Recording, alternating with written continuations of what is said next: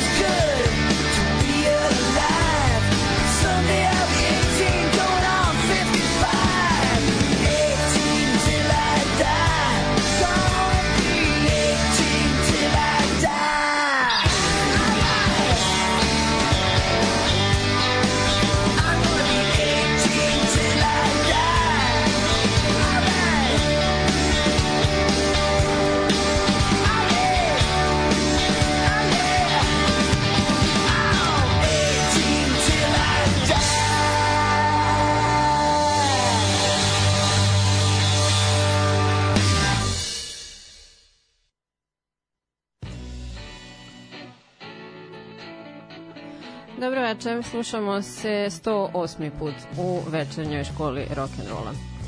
Uh, Warehouse Studio je multimedijalni studio za snimanje i fotografiju u Vancouveru, provinciji Britanska Kolumbija u Kanadi. A, ovu zgradu, objekat, kako god je originalno sagradio David Oppenheimer – kanadski biznismen, političar i pisac i to je bilo 1886. godine. Prva funkcija ovog objekta je bila kao prva velika piljara u Kanadi. A, jedno vreme potom je e, imao funkciju gradske kuće, nakon što je zvanično oštećena u požaru, a većinu svoje istorije služio je kao magacin fabrike stakla. Međutim, vremenom je napuštena i zanemarena ova zgrada, i 89. ju je kupio Brian Adams. sad, a, neki možda znate, neki ne. Mi se prošle nedelje nismo slušali, pošto sam ja za vikend imala obaveza, a u utorak sam išla na koncert Brian Adamsa u Beogradu, koji je bio fantastičan. Tako da sam a, onda eto napravila malo zicer da se njega dotaknem večeras. A njegova velika ljubav pored muzike i fotografije, te je osmislio da nekako ovaj studio renovira i oformi tako da bude pogodan za te obe stvari, za fotkanje i za muziku. A ono što mu je bilo veoma bitno je da zadrži i očuva šarm i karakter objekta a, kakav ono njegov original od početka, zato su kao originalne grede i cigle i građa generalno zadržani. A, projektu je bila potrebna čitava jedna decenija da bude kompletiran i tada je nagrađen priznanjem grada Vancouvera za izuzetnu restauraciju zgrade od istorijskog značaja. Tako da ćemo mi danas preslušavati pesme sa onih muzičkih albuma koji su snimljeni u Warehouse studiju uz pokoju reč o Brianu Adamsu kao neki intermeco. Uživajte. A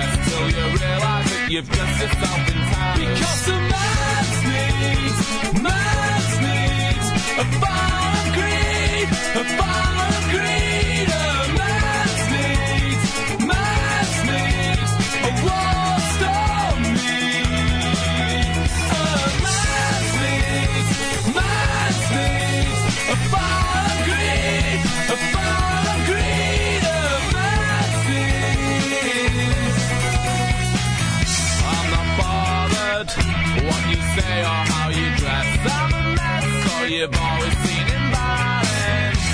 But really, this all seems quite meaningless when I remember that you never seem to see the fact that my sleeves, my sleeves, a final creed, a final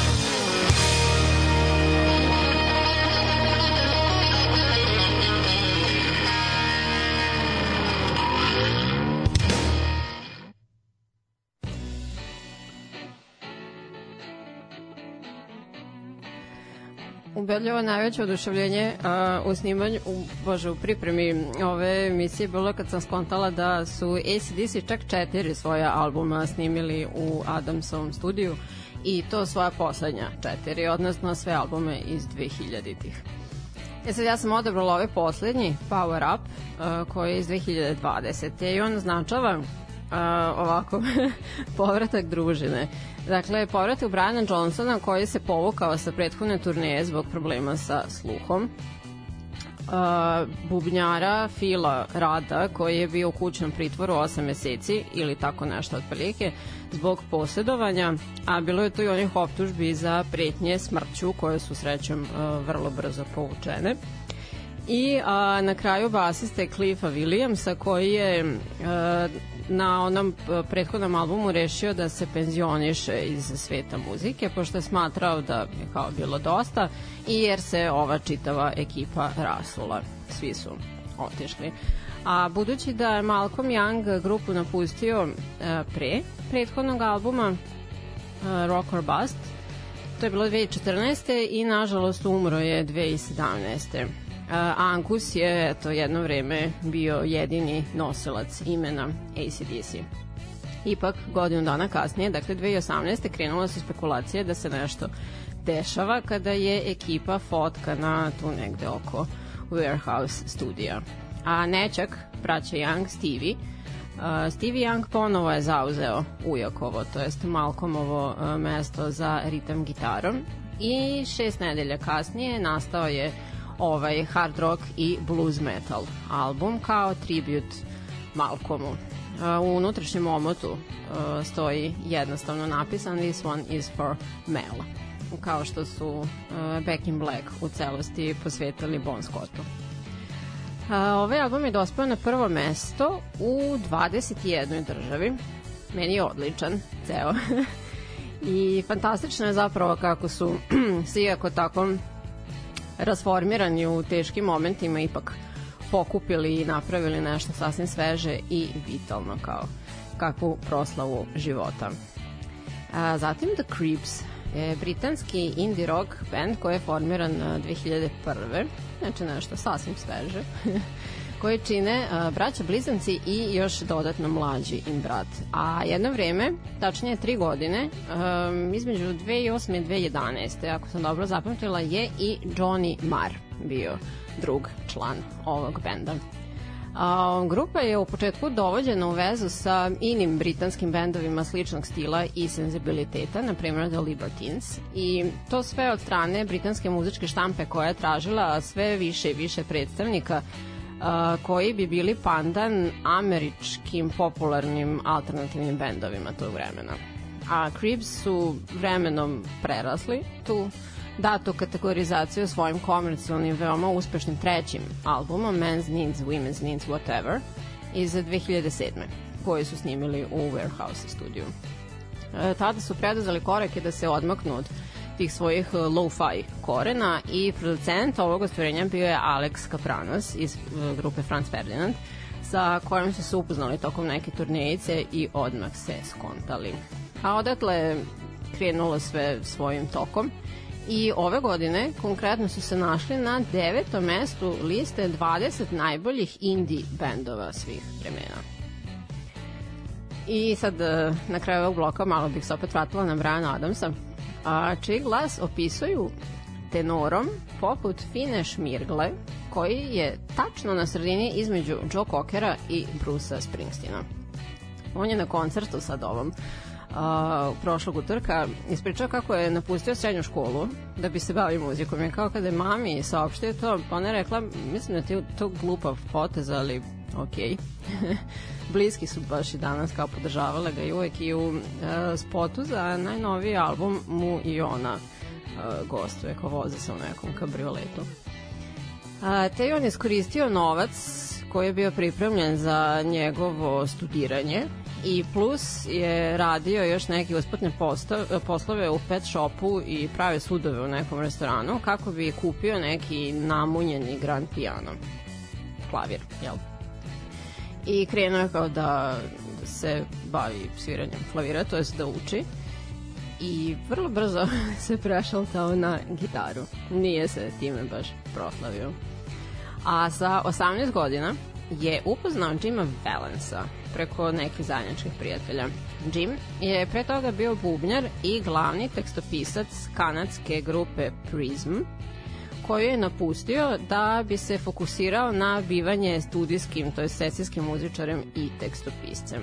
Oni su se dopali jedan drugom i sastali se nekoliko dana kasnije i tako je nastalo veoma bogato autorsko partnerstvo koje je zapravo vinulo Briana Adamse na vrhove tog lista a njih dvojica zajedno su pisali i za druge muzičare poput Kisa, iako su kao bojice naveli da uopšte nisu poznavaoci ni pretrani ljubitelji kao metal, hard rock, glam rock muzike ali kao baš su imali super a, saradnju, Gene Simmons je kao baš bio super oduševljen time. A, zatim su radili za Tinu Turner, Joe Cockera, Rode Stewarta, Nila Diamonda i druge.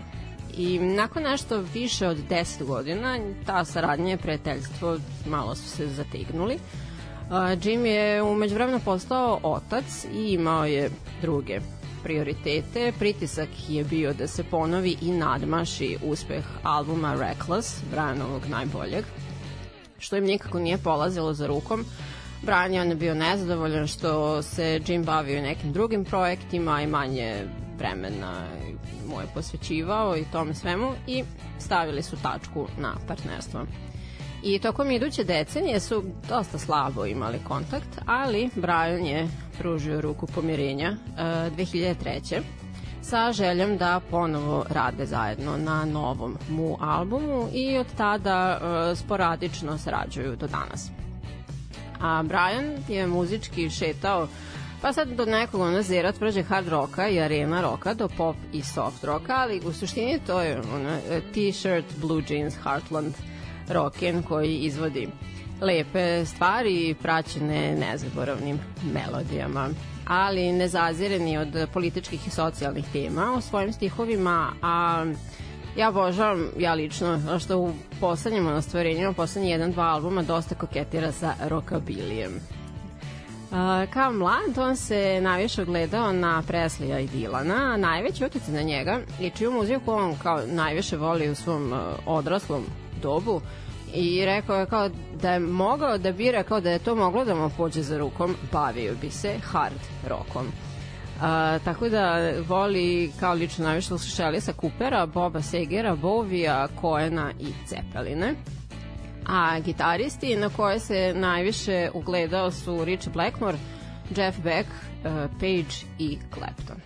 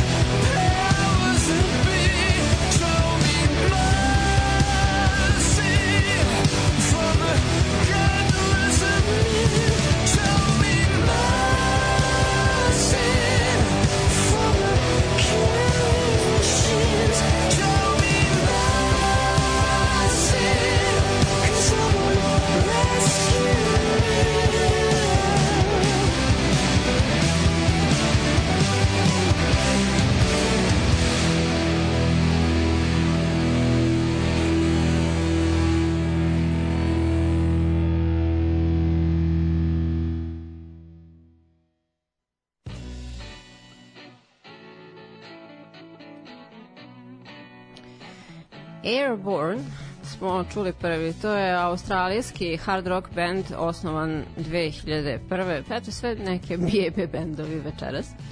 A, u principu fino im ide od samog početka, svaki album je uspešniji od prethodnog, a u Vancouveru je snimljen njihov drugi, No Guts, No Glory. I ovde dva brata čine stup grupe, a i ostala ekipa je manje više stabilna ovih 20 godina. A zatim Reset je montrealški punk rock band osnovan 93. kada su momci imali po 13 godina. Sada njima stvarno nema šta spektakularno da se kaže, ali znam da volite da punk zazveči u mom terminu, tako da a, nisam propustila priliku da pustim. I potom smo čuli Muse. Divni Muse, još divniji Matt Bellamy i sedmi im album Drones. A, godina je 2014. na 15. A producent je Robert John, to jest Matt Lang. E sad nisam napominjala kod kojih je pomen, do sadašnjih ostvarenja on bio prisutan, pošto ovaj južno afrički producent i tekstopisac i bu, bivši muž Shania Twain, trivia, je često viđeno lice u Warehouse studiju.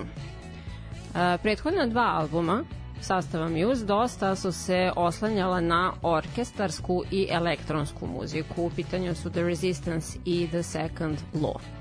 I sada su želeli da se odmaknu tih eksperimenata i ponovo se povežu sa onim što oni zapravo jesu, a to je rock muzika.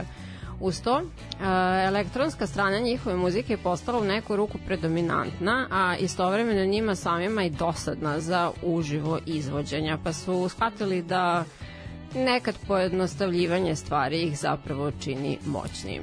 Ovo je dakle alternativni rock, prog rock koncept album o dehumanizaciji modernom ratovanju, nedostatku empatije među ljudima i slično. Priča počinje numerom Dead Inside u kojoj protagonista gubi nadu i postaje podložen nekim bračnim silama, indoktrinaciji u ljudskog drona, od čega se na kraju ipak otrgne i pobegne. E, Bela mi je objasnio da je koncept ovog albuma Drones gubljenje empatije zapravo, jer je uz pomoć moderne tehnologije moguće raditi užasne stvari sa sigurne distance, bez osjećanja ikakvih posledica, pa čak i odgovornosti. A što se tiče kritičara i muzičkih znalaca u vezi sa ovim ostvarenjem, dopala im se muzika i aranžmani, a stihovi pa not so much. Nisu ih baš najbolje kontali. Upoređivali su Belamijeve stihove sa kakvim teoretičarima zavere. A, mada, jedne londonske novine su u recenziji napisale da iako bi a, neljubitelji proga odbacili ovaj album jer podsjeća na Floyde iz njihovih kasnijih dana, Bellamy je dosta sazreo u pisanju pesama čineći uh, Drones tada u momentu njegovog izlaska uh, materijalom grupe Muse.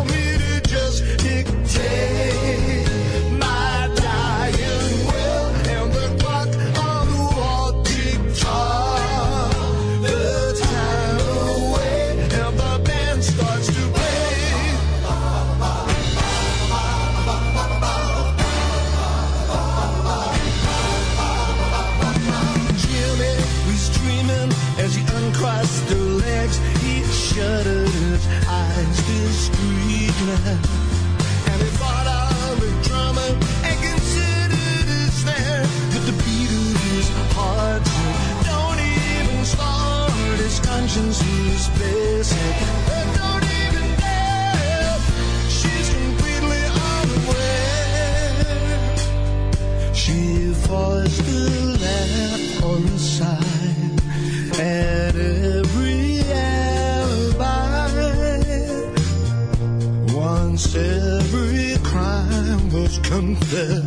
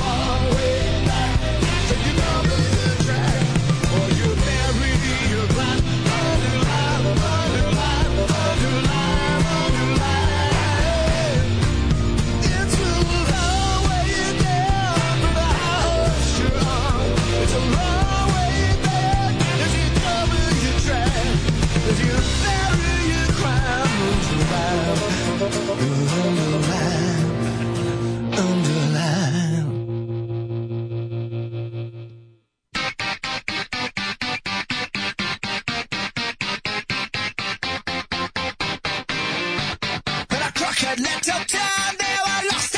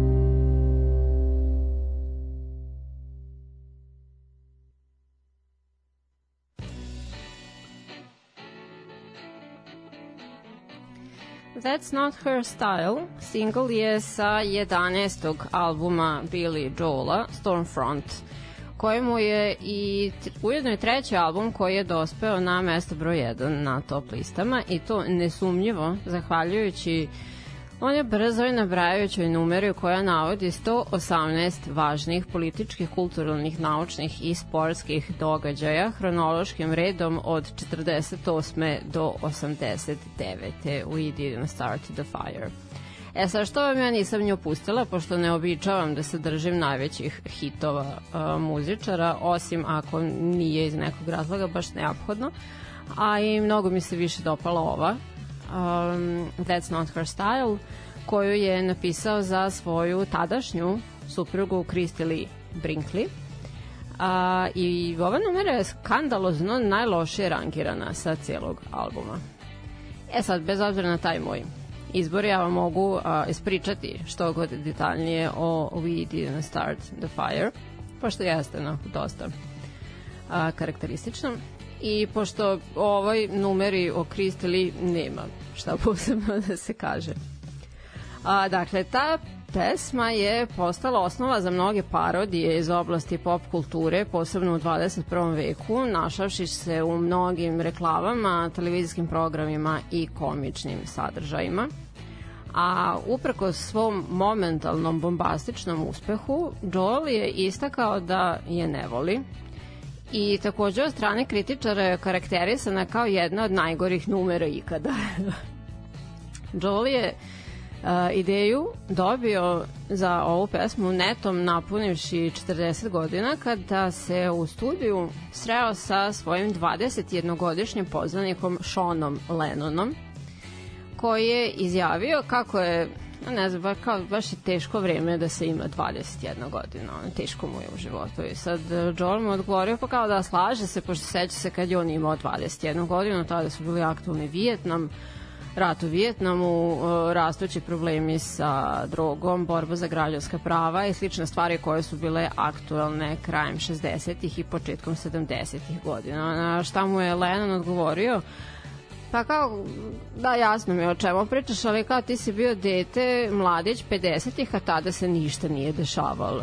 Jolie je kopirao da ovaj nikada nije čuo za rat u Koreji ili za krizu u Suetskom kanalu i generalno to su mu onda bile polaznice za ovu pesmu. Kako se ne bi desilo da neko na svetu ovaj, nadalje ne zna ništa o tim stvarima.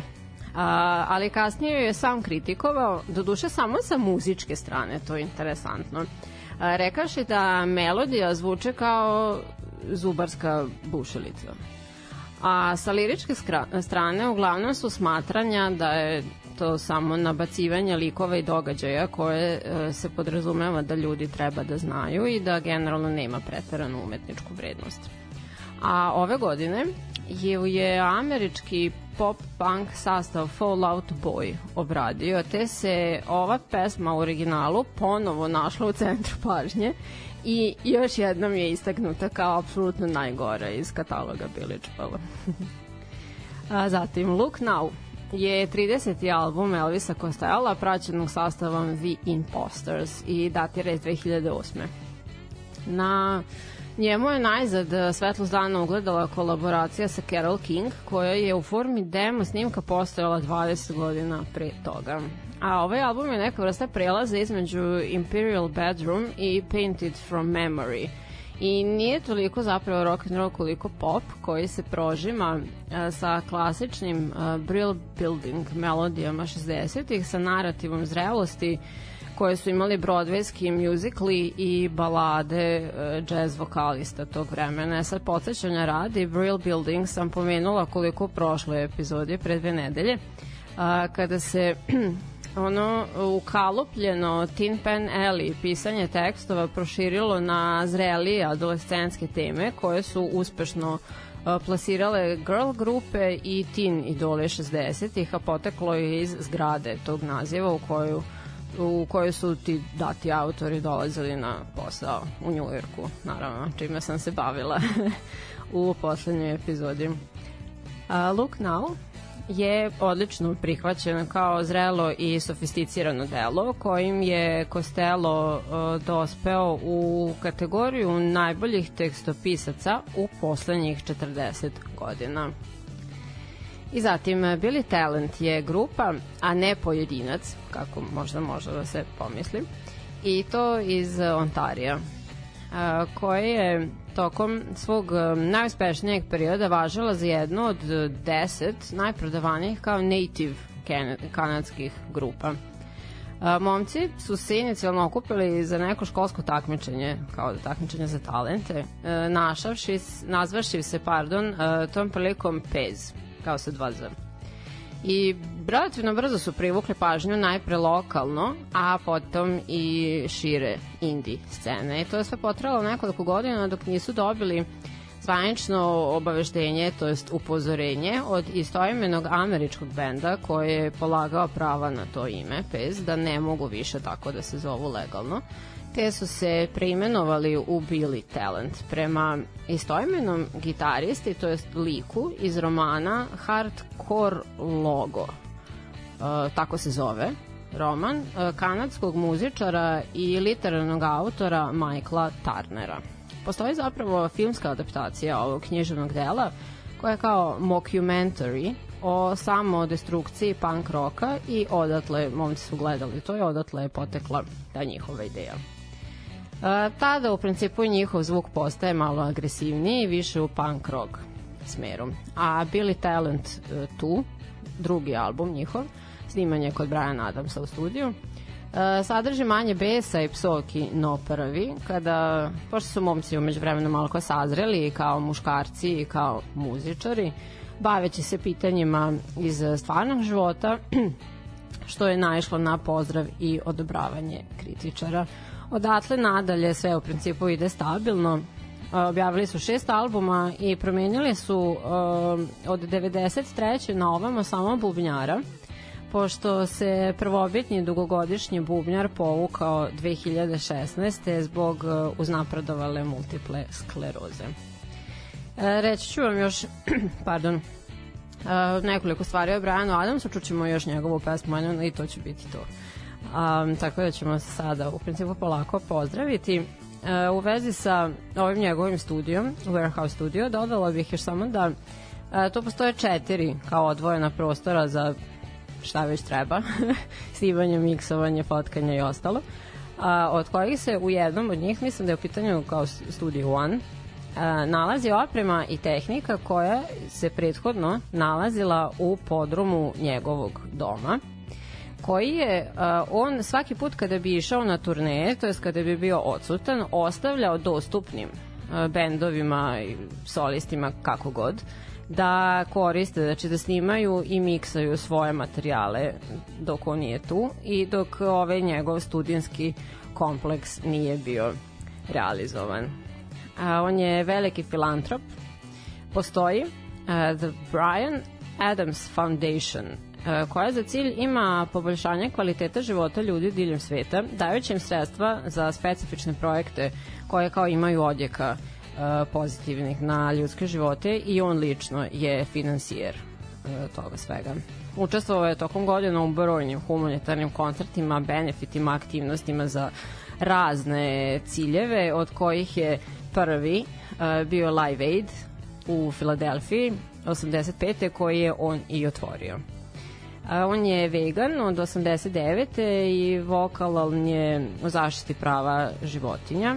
A pomenula sam da mu je fotografija velika strast. 2002. na primjer je pozvan uz neke druge fotografe još iz zemalja Commonwealtha da fotografiše kraljicu Elizabetu II tokom njenog zlatnog jubileja. I jedna od njegovih fotografija završila je na kanadskoj poštanskoj markici 2004. godine. A drugi njegov portret sa tog događaja sa princom Filipom nalazi se danas u Nacionalnoj galeriji portreta u Londonu. Na primjer, tri puta je u Nemačkoj osvajao nagradu za modnu fotografiju, a u Berlinu je osnovao Zoo magazin koji se bavi modom, umetnošću i arhitekturom, za koji takođe, e, kad nađe vremena, fotka pa se objavljaju u časopisu. E, njegovi radovi objavljivani su u časopisima GQ, Vogue, Vanity Fair i još ponekima. Radio je um, kampanje i promoje, šta znam, fotkanje za Hugo Boss, Converse, Jupe, uh, Jaguar, a ispred objektiva nalazili su mu se Iggy Pop, Cher, Rita Ora, a što se nadalje još kolega, ovaj, pardon, evo još dve reči, nisam obratila pažnju, Uh, što se još nadalje iz uh, muzičkog sveta tiče, bio je autor uh, fotki za kavere, znači za naslovnice albuma Annie Lennox, Amy Winehouse, Status Quo i Rammstein, na primjer. A, eto, o, time sada završavamo e, druženje. Hvala vam na slušanju. E, učinite to ponovo sledećeg utorka. Ne preskačemo epizodu, a možete me podržati i na patreon.com kroz večernja škola i putem Paypala. Ide još jedna pesma Brian Adams u kolaboraciji sa Melanie C iz Spice Girls i to je to za večeras. Hvala i ćao.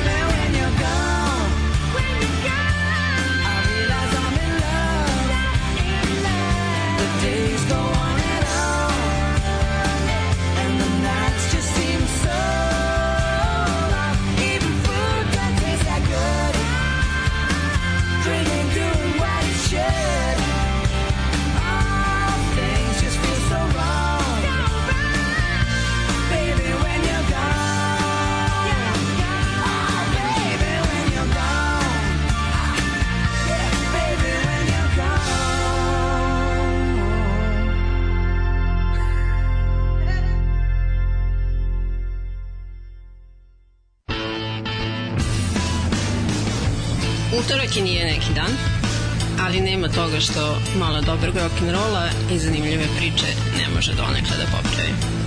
Večernja škola na radio Daško Mlađa utorkom u 8.